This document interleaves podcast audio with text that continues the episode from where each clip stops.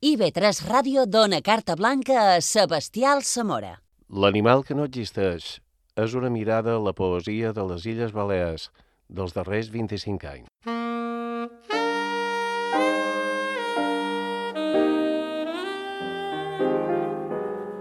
L'animal que no existeix, capítol 4.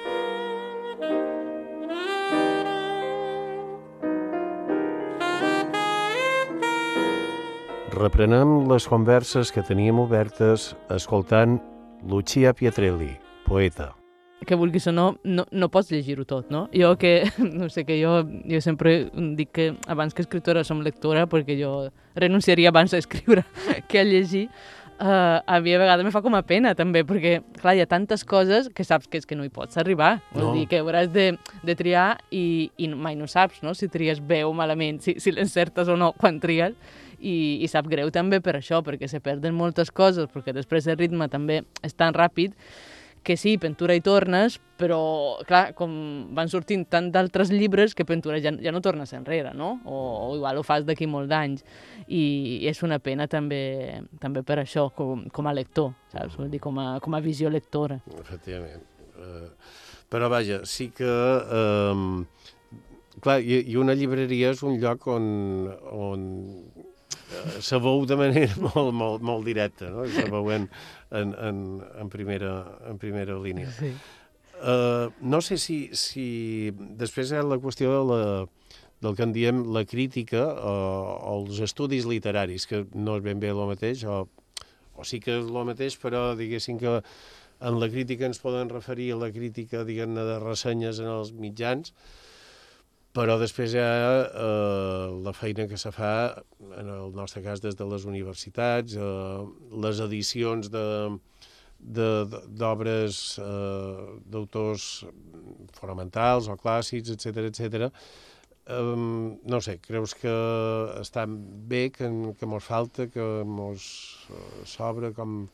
Però jo Com crec que a nivell d'estudis literaris eh, això tenen una perspectiva que, clar, que no, que la crítica analitza un moment concret i Mm. just en el present que a vegades no, no pot tenir, no?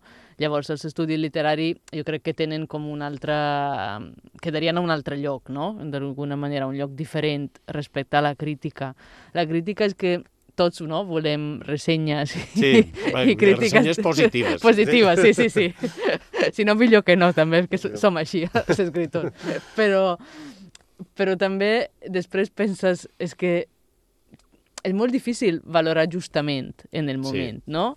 I, I tot el que també jo crec que encara tot el que és viu se corromp Mm. i com són, no, són totes clarament ressenyes de persones vives, de llibres que acaben de sortir, també eh, en realitat mm, passen tot Sí. i que poden tenir molta importància no, per nosaltres com a autors, són coses que passen i els estudis literaris jo crec que són fonamentals després no, per posar el pes o, on toca. Això no Mm. vol dir no, que un crític no, no hagi de fer la seva feina, només, només Òbviament. faltaria, però jo crec que són dues coses, dues coses diferents i que també a vegades eh, ens, ens concentrem o en, ens deixem també guiar una mica massa pel judici dels altres, també, tant com a escriptors, però també co, com a lectors. A mi em passa moltes vegades a la llibreria que, que vinguin a cercar un llibre per una ressenya bona o dolenta, que ja està bé, que, Sí. que una ressenya sigui capaç no, de, de motivar un, una persona. Però, però al mateix temps és també cada persona hauria de, de sentir-se com més lliure no? davant, de, davant de llibres. I a mi me pareix que a vegades a molta gent encara encara li costa. Sempre són aquells llibres del que se xerra més, aquells llibres que han sortit més ressenyes, i en realitat la llibreria és un lloc, bueno, com una biblioteca, no? és un lloc tan, tan màgic, tan guapo, que hi haurien d'entrar com...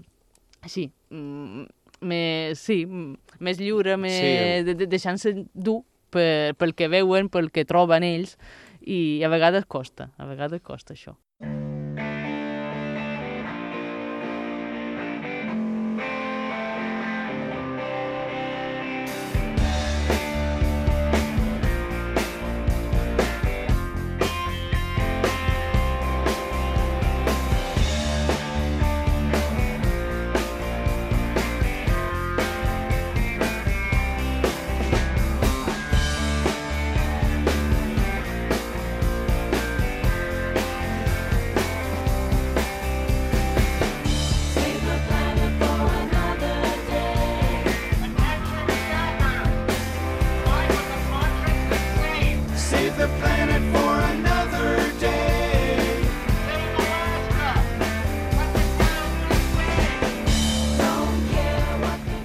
Miquel Cardell, poeta.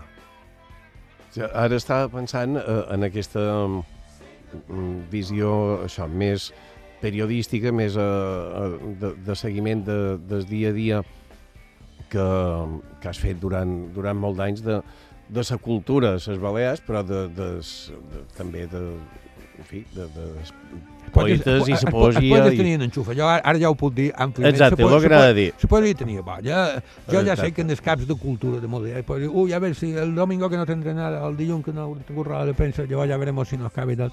Jo, jo es pot tenir. Tu, Ràdio Nacional, jo, jo sempre tenies la poesia. Jo, és, que, és que, però és que, a més, jo considero que la poesia és una de les bases essencials de la cultura eh, com a tal i de la cultura eh, de la gent d'un indret, de la cultura d'un poble, de la cultura nacional, digue-li el que vulguis. De la, uh -huh. eh, la poesia és un de, de, de pilars fonamentals que, que fa poc renou, que no ven mil d'exemplars, que un poeta llegeixen 10 rates, bé, eh? en els grans matemàtics que han descobert la gran teoria sobre el forat negre d'Homer en tenen 8 matemàtics de tot el món, mm. però en aquell 8 fan un article que llegeixen 16 i acaba que allò impregna la societat i en fan un velcro que tot durim a les perdenyes. Mm. És a dir, que, i en la poesia jo crec que opera un poc igual. En Pessoa se va morir que era un comptable que que havia publicat 4 articles i és un dels poetes més influents dels darrers 100 anys, ja més universalment influents. Mm. Eh, I fins i tot ha influït aquells que no l'han llegit, per dir-ho sí, manera, perquè és el que, és que, que no ho sàpiguen. És el que fan és, és, és perquè... Un, els grans influencers. Un gran influencer eh, el que fa és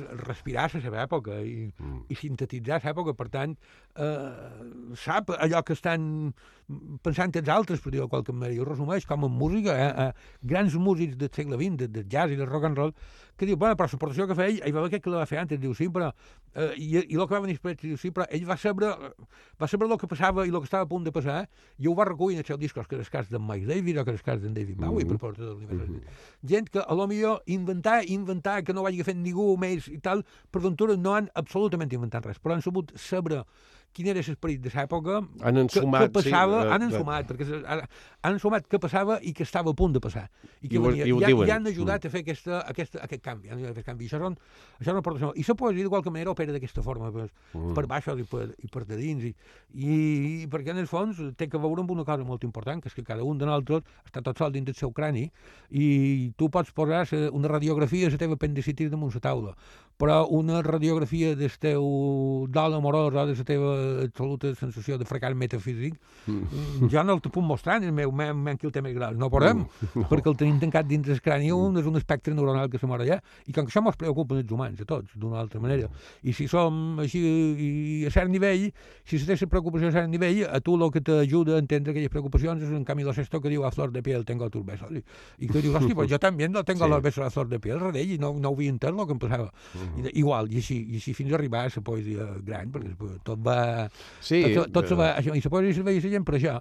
I, per tant, tots els mecanismes han de servir, uh, i s'han de posar, i, i, i és a la base de l'univers, i és a la base de, de la cultura humana.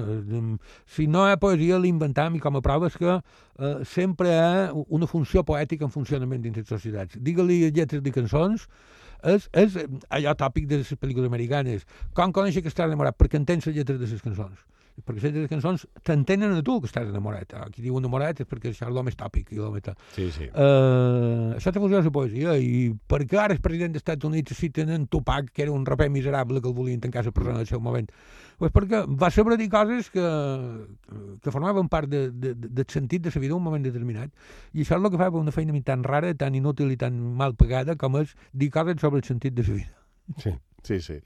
Sí, i, i no sé si en Mallorca els poetes, a pesar d'aquesta, en fi, eh, d'aquest espai excèntric, en, en el sentit de que estan fora del centre que, que solen ocupar dins la societat, eh, d'alguna manera eh, tenen tanmateix el seu protagonisme social, la seva... És a dir, el seu espai a dins els mitjans, el, seva, el seu llocs on se troben, això també eh, sí, ho és, sí, ho, sí, ho existeix. Dit, no? Ara m'has recordat, ah, xerrant d'això m'ha vengut una imatge que de transmetre, que, parlava, que ve en tot el que deia de l'espai social. Uh, una vegada en Jaume Sant Andreu, uh -huh. un altre poeta aquí s'ha de tenir sí. en compte, un altre poeta I únic tant. i especial, un des... Uh, Jaume Sant Andreu és poeta místic de Sant Andreu, Jaume Sant Andreu és un sant Sí. Sosten, jo sostenc que Jaume Sant Andreu és un sant, que no serà canonitzat fins que 150, com passa sempre en sants conflictius, fins que 150 anys des- després de la seva mort el seu missatge ja hagi estat prou polit i, i assimilable. Mm. Però Jaume Sant Andreu va ser rector de, de Maria i, i va adaptar un racó de l'Iglésia, una espècie de capella lateral per fer actes culturals. I una vegada vam anar a fer una lectura poètica. Sé que hi havia en Miquel Besares a la seva primera època, que era bastant porno, Eh. i, i que entre el públic hi havia una monja tancada que havia sortit del convent per assistir una germana anciana, anciana monja que se moria, que escoltava allà en els Sí. sí. demanant-me jo que no intervenia. Però que hi havia en Damià Huguet, i a la darrera fila, perquè això el que va passar va ser que en Jaume va dir la missa i va dir avui no hi haurà sermó, però amb que vas a missa, qui vulguin sentir la veritat, allà hi haurà poetes que els abordiran. I a la darrera fila d'aquella d'aquella sala, que era petitona, hi havia una fila d'homes amb, amb gorra, a boina i gato. De, de, de, de mariers, de mariandos, amb, Sí, sí, sí. eh, amb boina i gato. I jo sé que vaig tenir la sensació absolutament viva i tàctil que quan en Damià Huguet va començar a llegir els seus poemes en profund campanell, l'entenien. Perfectament, segur. Eh? Que l'entenien, sabien de què xerrava i entenien cada una de les paraules, que l'entenien perfectament. De que el... Això ho veus, tu veus qui t'escolta i qui no t'escolta i veus què passa. Sí, I quan sí, sí. els altres te fas, te fas càrrec de la situació que s'està creant dins d'aquella sala. I això és, és un moment mm, que jo guard així com a molt, molt ben tresorat, mm, per lo que parlem de la funcionalitat poesia.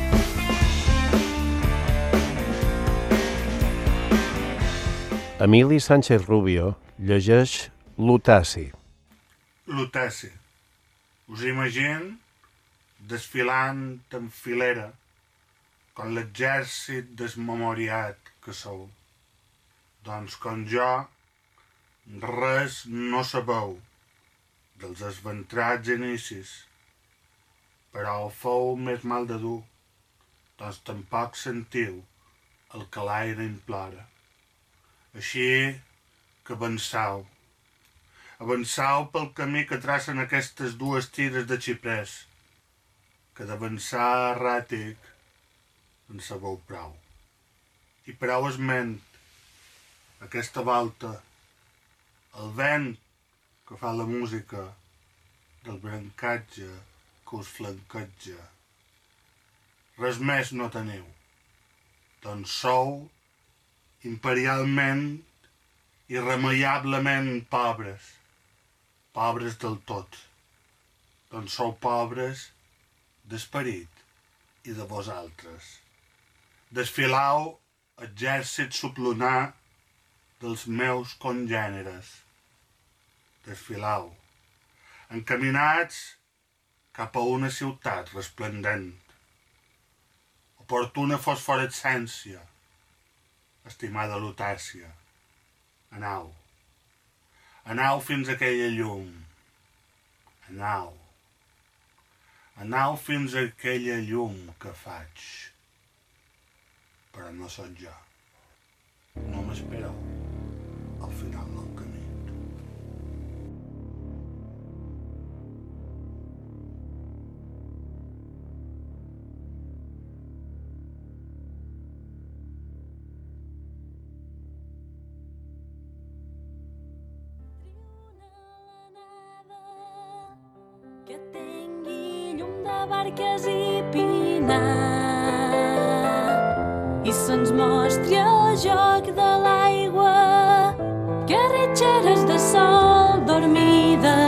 xarxes pels murs blancs. Jaume Pons a l'Orda, poeta.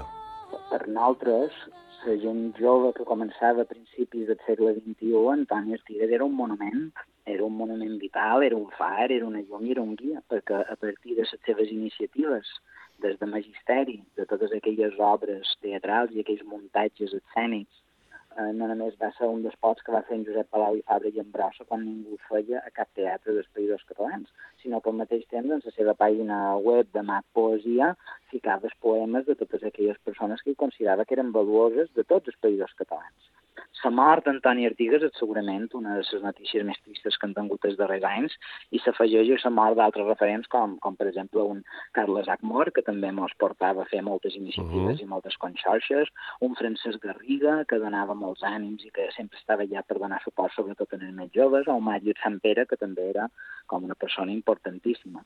I Antoni Artigas se va convertir en besconco de, de la poesia jove catalana Era aquella persona que el primer llibre que sortia d'una persona absolutament desconeguda i era el primer que se'l comprava, se'l llegia i si li agradava, si li agradava no només el difonia per xarxes, sinó que convidaven aquell poeta a fer qualque recital, anava a totes les presentacions de llibres que podia, estava evidentment vinculat en llibreria Quart Creixent, perquè era la farmàcia de la seva família i a més a més era un dels màxims activistes que organitzava coses.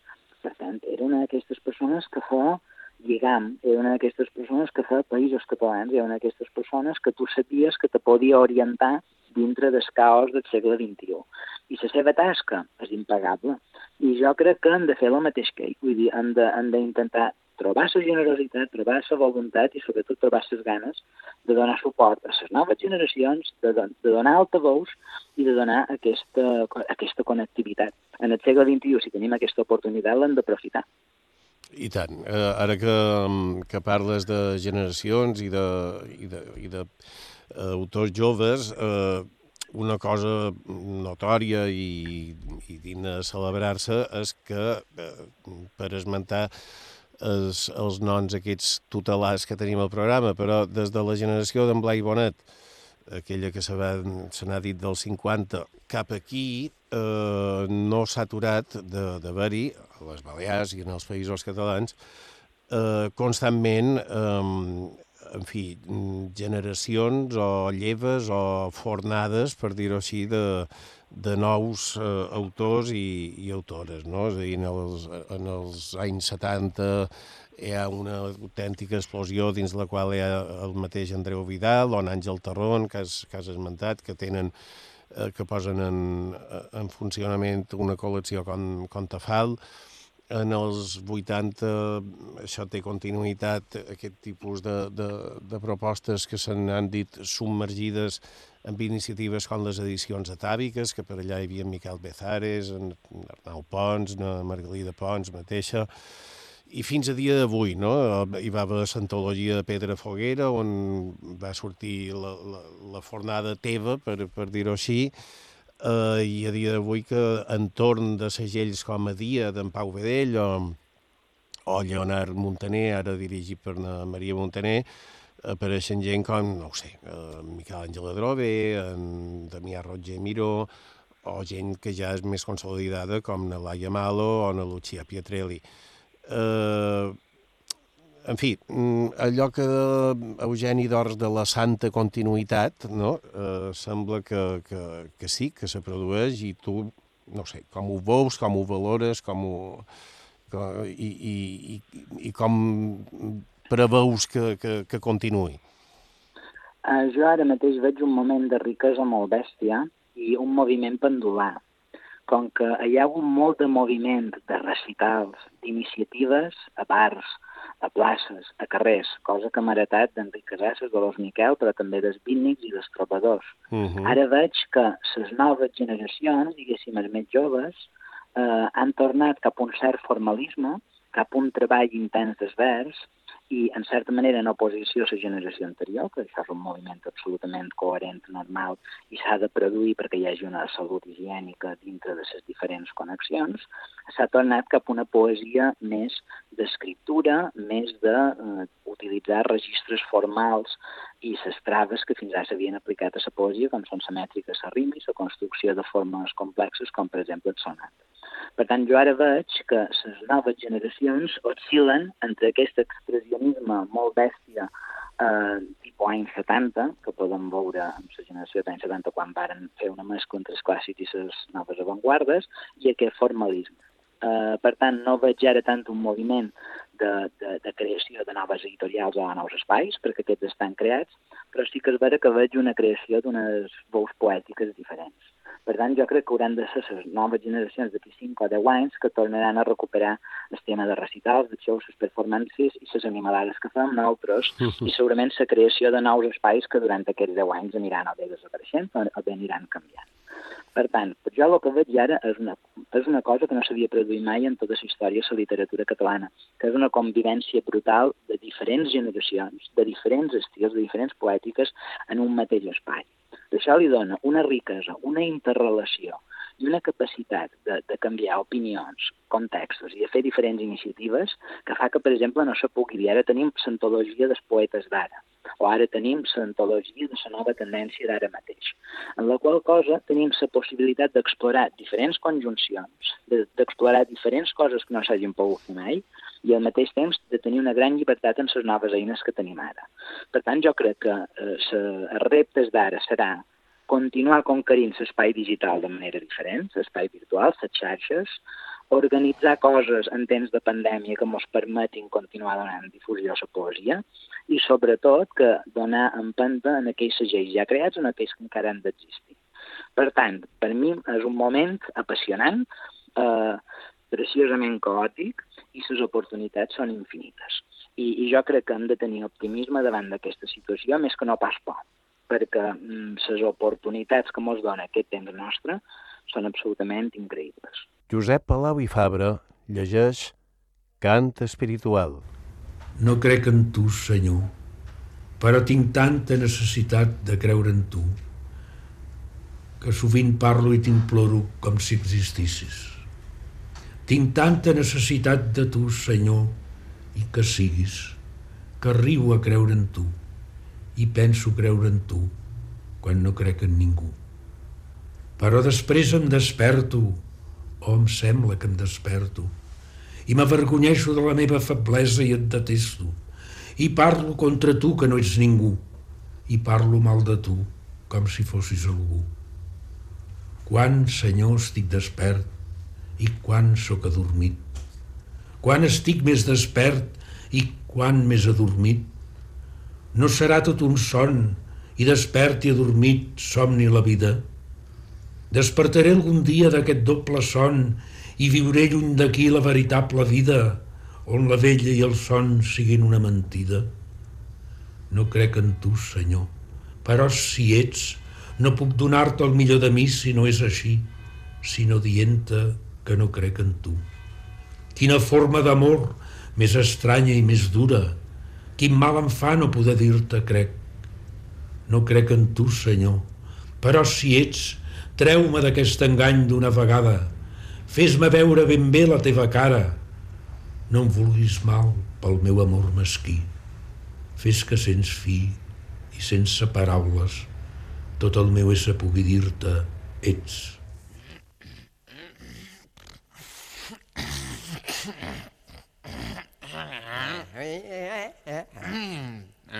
No. ¿Eh? A ver. Bien. Yeah.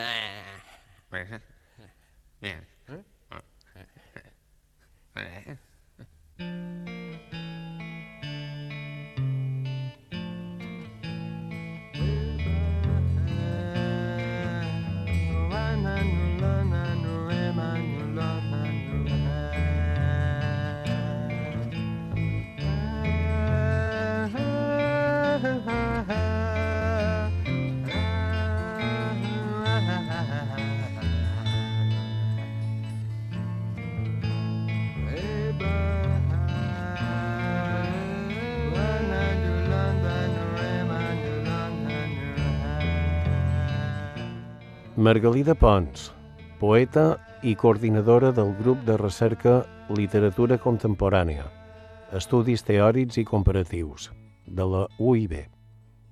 Ara volia parlar de, de la feina que estàu fent mm, eh, des de la, la universitat, des del Departament de Filologia Catalana, començant per un projecte que, que m'he assabentat fa relativament poc, i és, eh, bé, en, d'entrada un recordatori d'Antoni Artigues, un gran divulgador i activista de la poesia, que va fer una feina de, de primer ordre en Magisteri Teatre i en la pàgina web de MAC Poesia, i ara a la, a la WIP eh, estàu creant una biblioteca, Antoni Artigues, de, de poesia, que, que mos pots contar d'aquest projecte i que, que, que se proposa de fer passa una cosa curiosa i és que a la universitat els estudis de, de llengües i literatures són a l'edifici Ramon Llull, però quan tu cerques un llibre de poesia, sobretot si és un llibre de poesia mm, recent, mm. te n'has d'anar a la biblioteca de l'edifici Guillem Cifra de Colònia. Per què?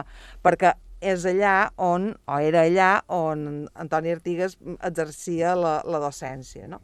Mhm. i, i la tenia molt ben assortida, aquesta biblioteca. Llavors, ara tenim, coordin un projecte de recerca que és una mirada a la poesia catalana contemporània des de la perspectiva d'allò que se denomina estudis afectius. I això vol dir entendre que, mm, per simplificar-ho, les emocions no són únicament un sentiment individual, sinó que les emocions poden ser socials, configuren xarxes entre persones i, per tant, poden ser polítiques. Un exemple molt clar d'això és el moviment de la indignació, que és un moviment polític inicialment vinculat al 15M, però que mm, se basa en un sentir, en un sentiment que podríem qualificar de personal. Se fa aquest pas d'allò personal a allò social i a allò polític. És en aquest sentit que mm, ens interessa l'estudi de, de les emocions. Per poder dur a terme aquest projecte, eh, el primer que hem de fer és tenir un corpus, saber de quins llibres parlam, de quines obres poètiques parlam. I és per això que hem decidit reunir i inventariar tota la poesia publicada en primera edició en llengua catalana entre els anys 2000 i 2020. Ja tenim una primera mostra d'aquest inventari que es pot consultar a la pàgina web del grup de recerca l'ICET i posteriorment volem adquirir per la biblioteca de la Facultat de Filosofia i Lletres tants llibres com puguem. Evidentment, no, ara en tenim gairebé 700 de controlats i n'hi haurà milenars, però no els podrem comprar tots, però com a mínim que els estudiants en puguin consultar una mostra i a la vegada que tinguin una llista o un inventari dinàmic en el qual puguin fer cerques que els permeti, mm, que els orienti una mica a, a l'hora de, de cercar. No? I, I aquells llibres configuraran la biblioteca Antoni Artigues perquè ell va ser un gran lector, un gran divulgador de la poesia en tots els seus formats, en format eh, textual, en format escrit, performatiu, popular, i perquè Antoni Artigues parlava molt de poesia, no parlava de, de vida literària, eh, parlava d'allò que és la, la poesia, no? Eh, jo el trobo molt a faltar, però sense nostàlgia, no? Perquè que, que era una persona que bufava damunt un llibre i feia que tot allò que no era accessible se'n sortís volant.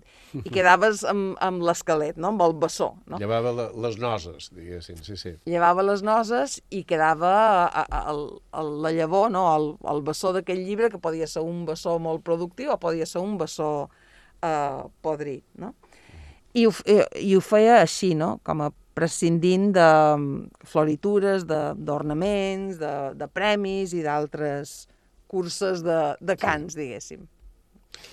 De fet, eh, bé, eh, és moltes ganes de veure ja aquesta, aquesta biblioteca d'Antoni Artigues, eh, però volia també eh, remarcar això, la feina que esteu fent eh, a la UIP des del Departament de Filologia Catalana i Lingüística General, on heu donat un fort impuls als estudis literaris eh, sobre la poesia moderna en llengua catalana i sobre la literatura en, en general, en la creació, ara l'esmentaves, d'un grup de recerca com el LICET, no sé si ho pronunci mai bé, però vaja, el grup d'estudis teòrics i comparatius. No?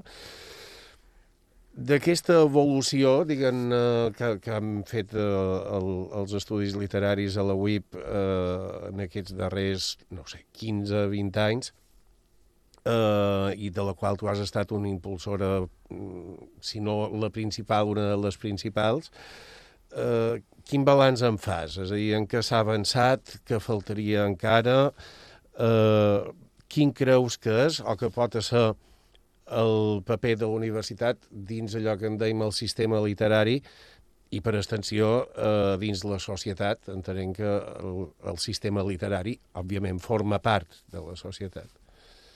Crec que una primera missió és mm, la percepció o la revaloració de la contemporaneïtat. Mhm. Ja és un tòpic dir que en les càtedres universitàries la literatura actual els autors vius, que se'n deia, eh, són autors marginats. Per tant, mm, nosaltres fem literatura contemporània i intentam que hi hagi una interacció entre els autors que llegim i, i, i, els, i, els, i els alumnes, no? que, que hi pugui haver, sempre que, que sigui possible, un, un contacte. I, I el plantejament intenta, intenta ser no una substitució ni una alternativa, sinó més aviat un complement a maneres d'estudiar la literatura més mm, historicistes. No? Prestant, per tant, atenció a la literatura actual, una altra aportació crec que és prestar atenció a la dimensió comparatista del, del, del fet literari, que me sembla imprescindible en un moment en què les fronteres d'allò que se'n diu o que se'n deia literatura nacional cada vegada són més poroses i cada vegada són més, més indefinibles. No?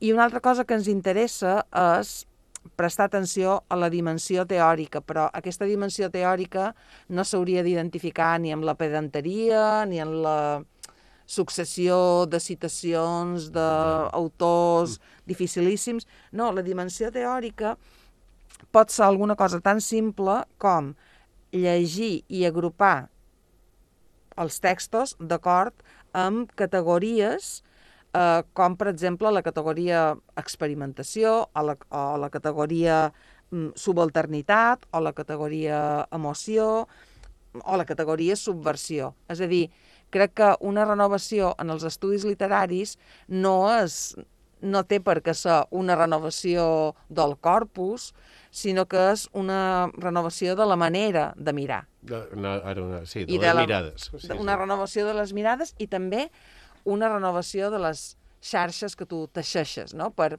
estudiar o per agrupar o per entendre aquests, aquests textos eh, literaris. No?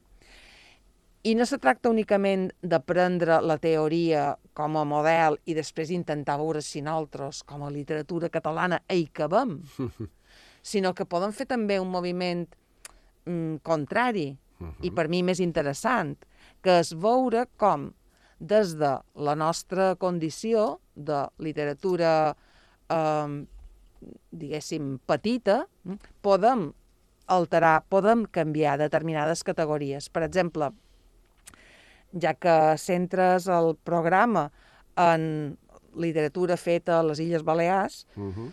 eh, com des d'aquest àmbit eh, geocultural podem redefinir les categories de centre i de perifèria. Uh -huh. Jo no m'he sentit mai perifèrica, per exemple. Efectivament. Per tant, quan es parla de la literatura de les Illes Balears o del País Valencià com a literatures que aporten a, mm, aporten a quin centre, on és el centre. Uh. Clar, tot això són categories teòriques que usen molt, per exemple, aquells que estudien la literatura com a sistema i que des de la nostra realitat insular mm, les podem ajudar a desbaratar, que sempre és divertit, però sobretot higiènic també. Higiènic, sí. sí.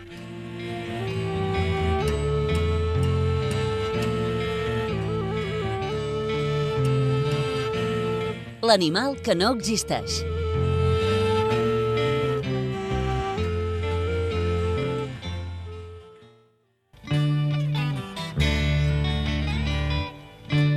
A IB3 Ràdio, l'animal que no existeix, amb Sebastià Alsamora.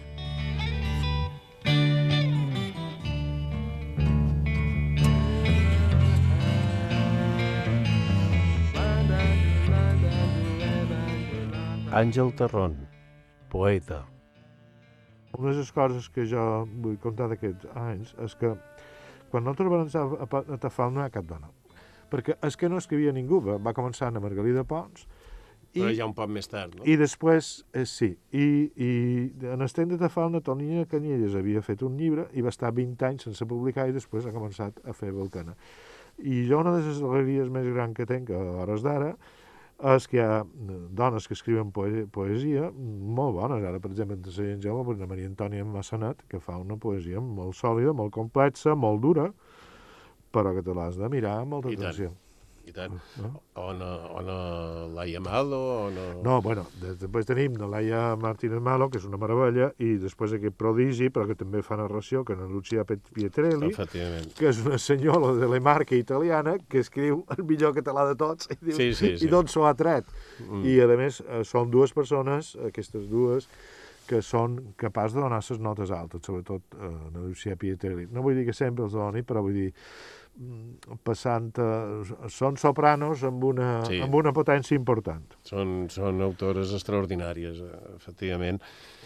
Uh, aquesta qüestió de, de, dels referents, de les fites, de les influències, uh, a dins la literatura catalana passa una cosa, si més no curiosa, uh, i és que semblen variar per comunitats autònomes, per dir-ho així. No? És a dir, uh, uh, Ah, bueno, però això és un problema de la distribució que no ha resolt ningú.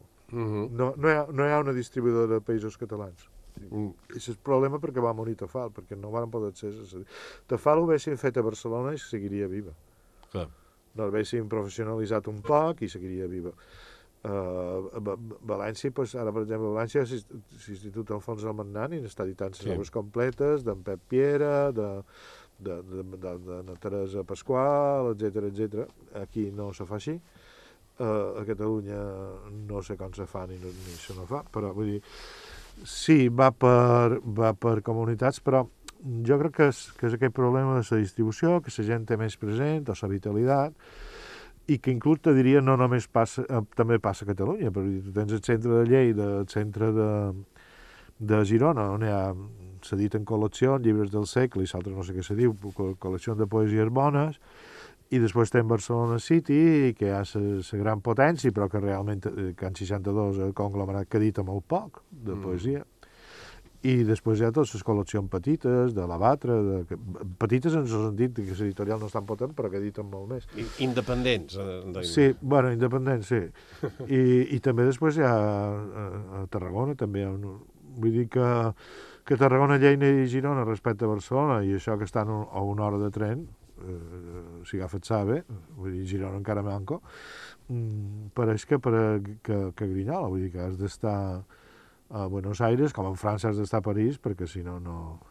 Sí, és, és curiosa, eh, perquè com bé dius, és una cultura que geogràficament i, i demogràficament tampoc és tan gran, no, no som tants ni ocupem tant d'espai. Però no hi ha una estructura de distribució. No. Eh, Està en castellà, vull dir, les editorials catalanes que se distribueixen millor són aquelles que tenen una xarxa de distribució en castellà. Mm. Nosaltres, entre Tafal, en Pep Piera i en Ramon Pinyol i Velasc, que ara firma Ramon Velasc, varen intentar fer com una conxorça i tal, però va acabar no funcionant. I jo crec que l'Espai Mallorca, jo li vaig dir en en el moment que fes, que, que per què no havia comprat eh, llibreria aquella que hi havia a bar, de bar Enric Canados d'aquest nacionalista que tenia tot el fons de Can Moll dic que haguessis pogut enviar un nebot i fer des d'allà la distribució, la mateix de València. Vull dir, que després va ser l'Espai Mallorca, no entenc com perquè ningú ho ha fet, saps? Vull dir, perquè tu tens les grans instal·lacions de l'editorial 3 i 4 a Barcelona, en el centre Mm. cultural, a Barcelona, a València, Sí. a Barcelona tens altres coses, però no hi ha una estructura i sobretot també mm, a nivell d'escriptura sempre diuen que els escriptors balears tenim molt de vocabulari i, i utilitzem el vocabulari de cada dia. De tothom, exacte. No, no és que- Per els hi pareix molt. Els hi pareix molt, els hi pareix molt. És a dir, hi ha aquesta qüestió que és molt curiosa. I la meva filla que viu per allà per Tarragona, si parles mallorquí, un munt de paraules no t'entenen. Després n'aprenen els altres que també són preciosos, com es bandir els plats, no? Vull dir, tu dius fregar plats, dius, això què és? Mm. Els plats es bandeixen, dic, home. O, o dius granera, i dius, no, això se diu escombra. Però a Tarragona també diuen granera. Laia Malo llegeix del llibre Venus Volta. Genets, febre, mals, abril, mags, junts, jugadors, àsters, 7 octubre, nueses, desastre. Genets, febre, mals, abril, mags, junts, jugadors, àsters, 7 octubre, nueses, desastre. Genets, febre, mals, abril, mags, junts, jugadors, àsters, set, octubre, nueses, desastre. L'any del megasol i la superlluna, un any més aviat sec però amb tempestes memorables, electríssimes, i onades de les més altes i vents tan potents com els que separen les plaques tectòniques del cor. Vam intentar-ho, una vegada més. Com que el clima era un altre, ens vam confondre. Era el mateix, el temps. I eren els mateixos, els cossos, malgrat que l'espai fos diferent. Solament s'havien renovat la dermis i les paraules, ara més pacífiques, però abrandades per tot el pes del son dels anys d'abans. Oblidàrem, de nou, que nosaltres infinitament ens gestem amb la set, naixem a l'octubre, vivim la nuesa i ens aboquem al desastre. Després, com genets agotistes, fugim enfebrats pel mal, patim l'abril i ens encomanem a la màgica memòria d'haver estat junts i haver jugat una altra partida contra els astres, encara que l'haguem perdut.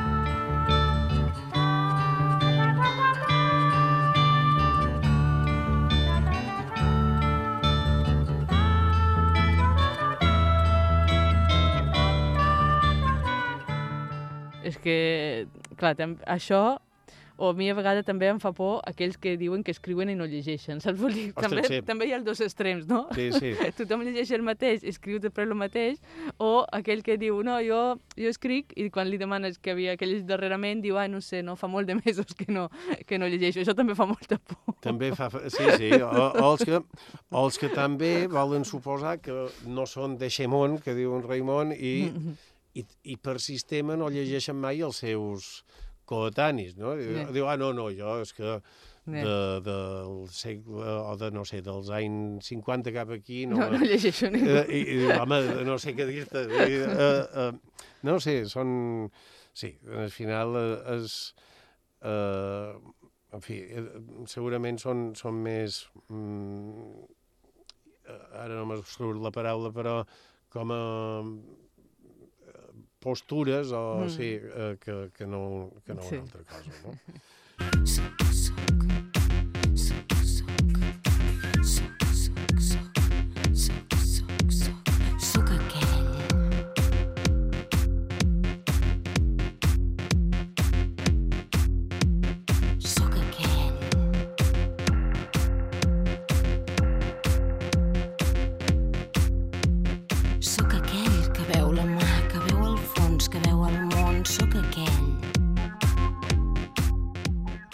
poetes és molt lenta i la feina veritable és... eh, Està bé fer lectures i perquè qualcú llegirà un llibre de poemes que seva i, i a lo millor hi ha qualcú que li serveix de qualque cosa, aquest llibre que se n'aduita, o que descobreix que això se poesia que realment no és tan mal d'entendre i que, i que és vera, perquè hi ha aquesta espècie de, de por reverencial, se poesia Sí. una espècie de, de cosa sagrada que només poden entendre els inicials i que l'art... I la poesia és com la música, tu escoltes cançons i no els entens, tu l'escoltes i t'agrada o no t'agrada, has de fer la feina d'escoltar.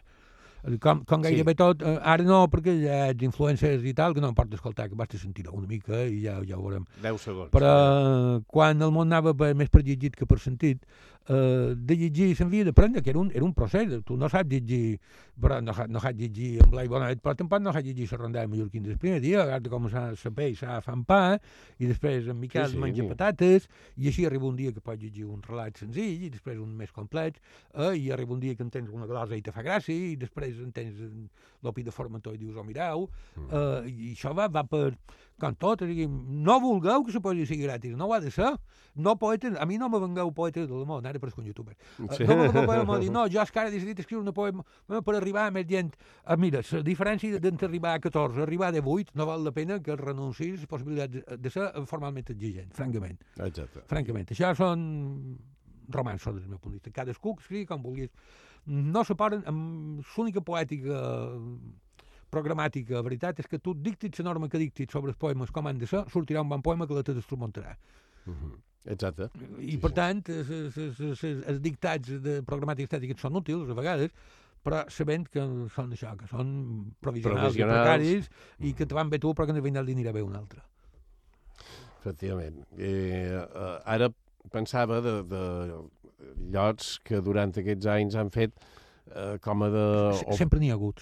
Sí, sí, sí. L'Havana. L'Havana, ara pensava exactament en l'Havana. I, i, la, i, I la llibreria Sagitari a dins la perruqueria de, Sí, de sí, Xavier sí. Bram, això Que, era... que era una perruqueria que hauria de ser patrimoni immaterial de la humanitat, Exacte. haver d'interès era cultural. meravella. Era, era, com diríem, igual que una amiga meva, una perruqueria que perquè en Almodóvar no la va descobrir. Exacte. Perquè era, era un, és a dir, quantes perruqueries, peluqueries, perquè era una peluqueria de Perruqueria, senyores. no és una perruqueria. Ah, no, era una peluqueria de de- dels anys 60, Eh, eh. eh, del 1971 com a molt tard, ho dic així per entendre molt, que estava estèticament intocada. Sí, sí. Uh, uh, ja no n'hi havia d'altra. Un s'imaginava de Sofia Loren, quan era relativament jove, duia aquell monyo esculpit Exacte. amb dos litres i mig de laca i absolutament cardats, com de Julieta Serrano, Era- pel·lícules de Almodóvar. Eren cardados, sí perquè, senyor. perquè en Almodóvar, perquè no la va descobrir, eh, seriosament. És, uh, Però- Pedro, Pedro, Pedro, vés-vos encara és i feia, feia una per I dins aquell, eh, aquella llibreria, eh, ai, a dins aquesta peluqueria, com Sí, deia, eh, se llegien poemes i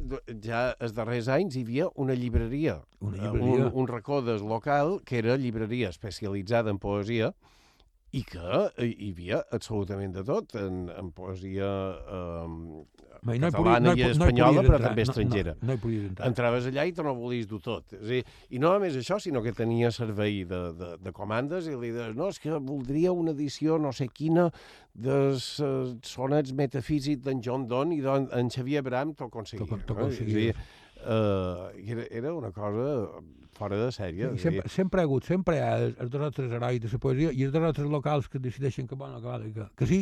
I, I a l'Havana, molt a prop de la de sa perruqueria llibreria Sagitari, que era un bar allà a Gomila, en el carrer Joan Miró. D'aquells oscurs d'una època, d'aquells oscurs i amb les pintades de negre, de negre, tal, i en John Part allà de dins, Sí. els seus darrers llibres, i era, era fantàstic, i era un lloc com una espècie de...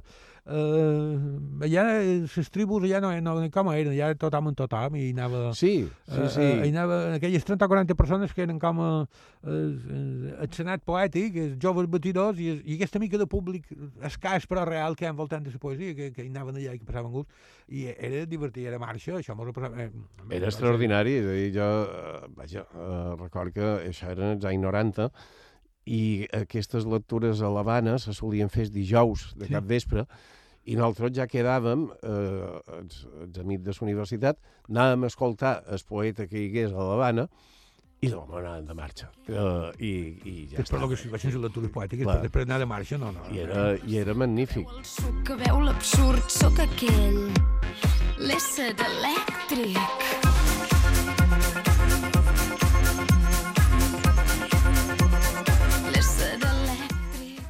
Miquel Bausà, llegit per Pep Tossar.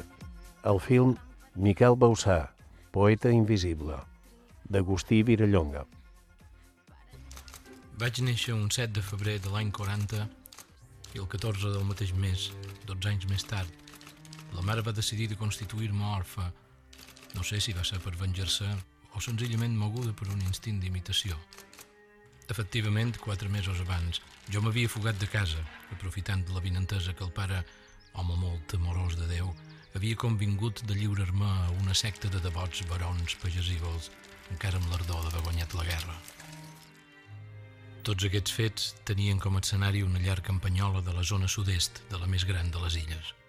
Llar edificada per l'avi matern, amb peces de marès que es treia ell mateix d'una pedrera d'allí a la vora.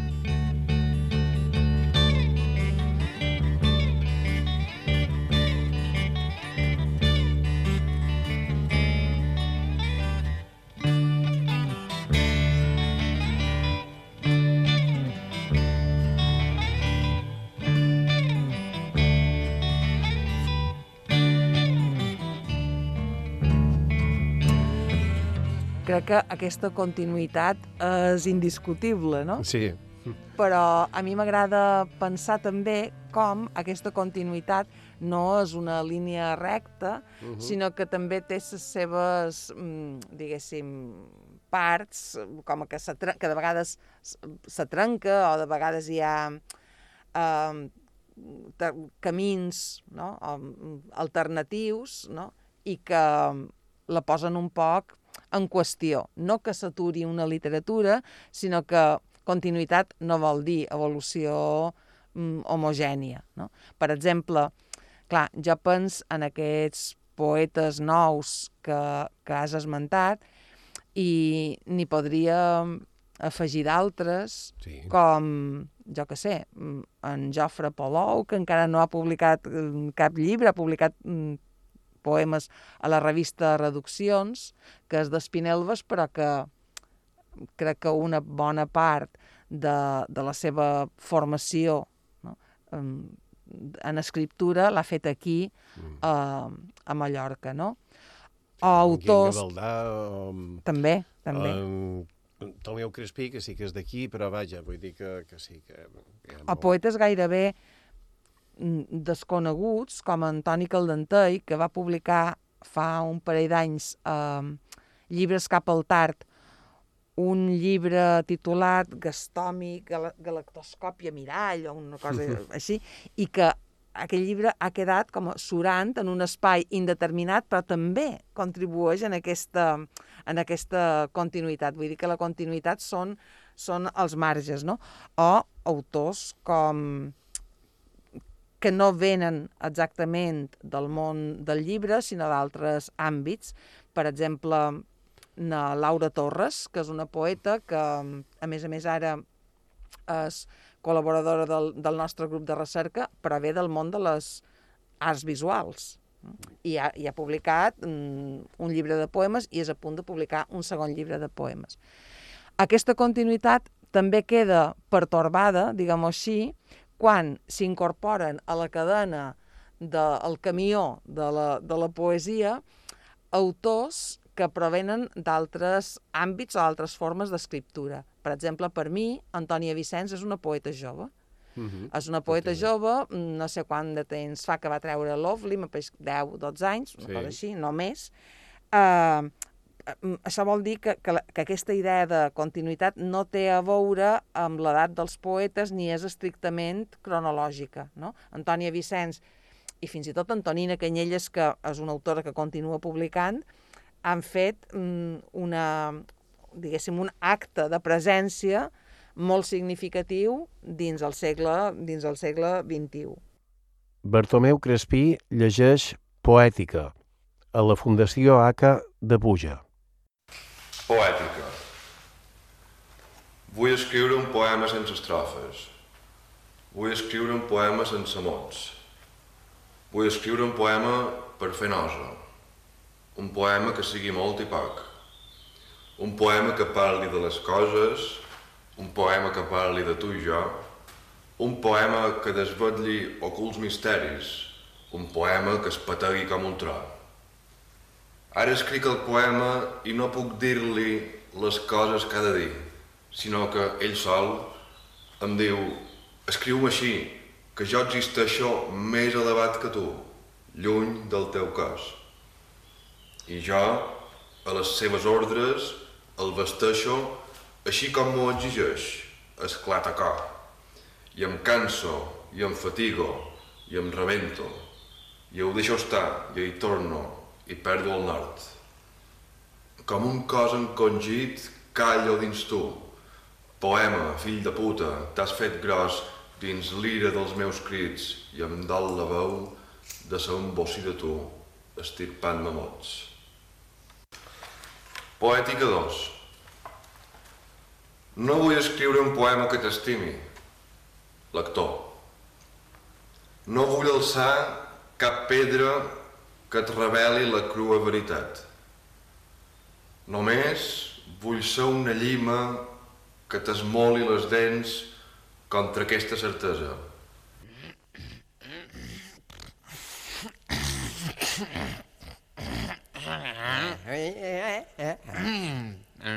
No. Eh? Bartomeu Fiol llegeix L'àngel retardat.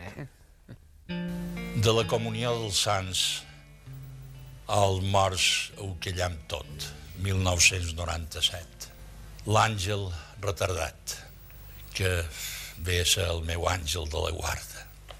Sullàngel retardat, cendrós, esborrifat emblema de dissort, com personifiques el mal més subnormal. Tens mans i ales i serrons tot plens de targes, cartes, impresos i missatges, de fa anys franquejats tal com pertoca, però retinguts per la teva persistent síndrome catatònica culpable, o més aviat pot ser innocent.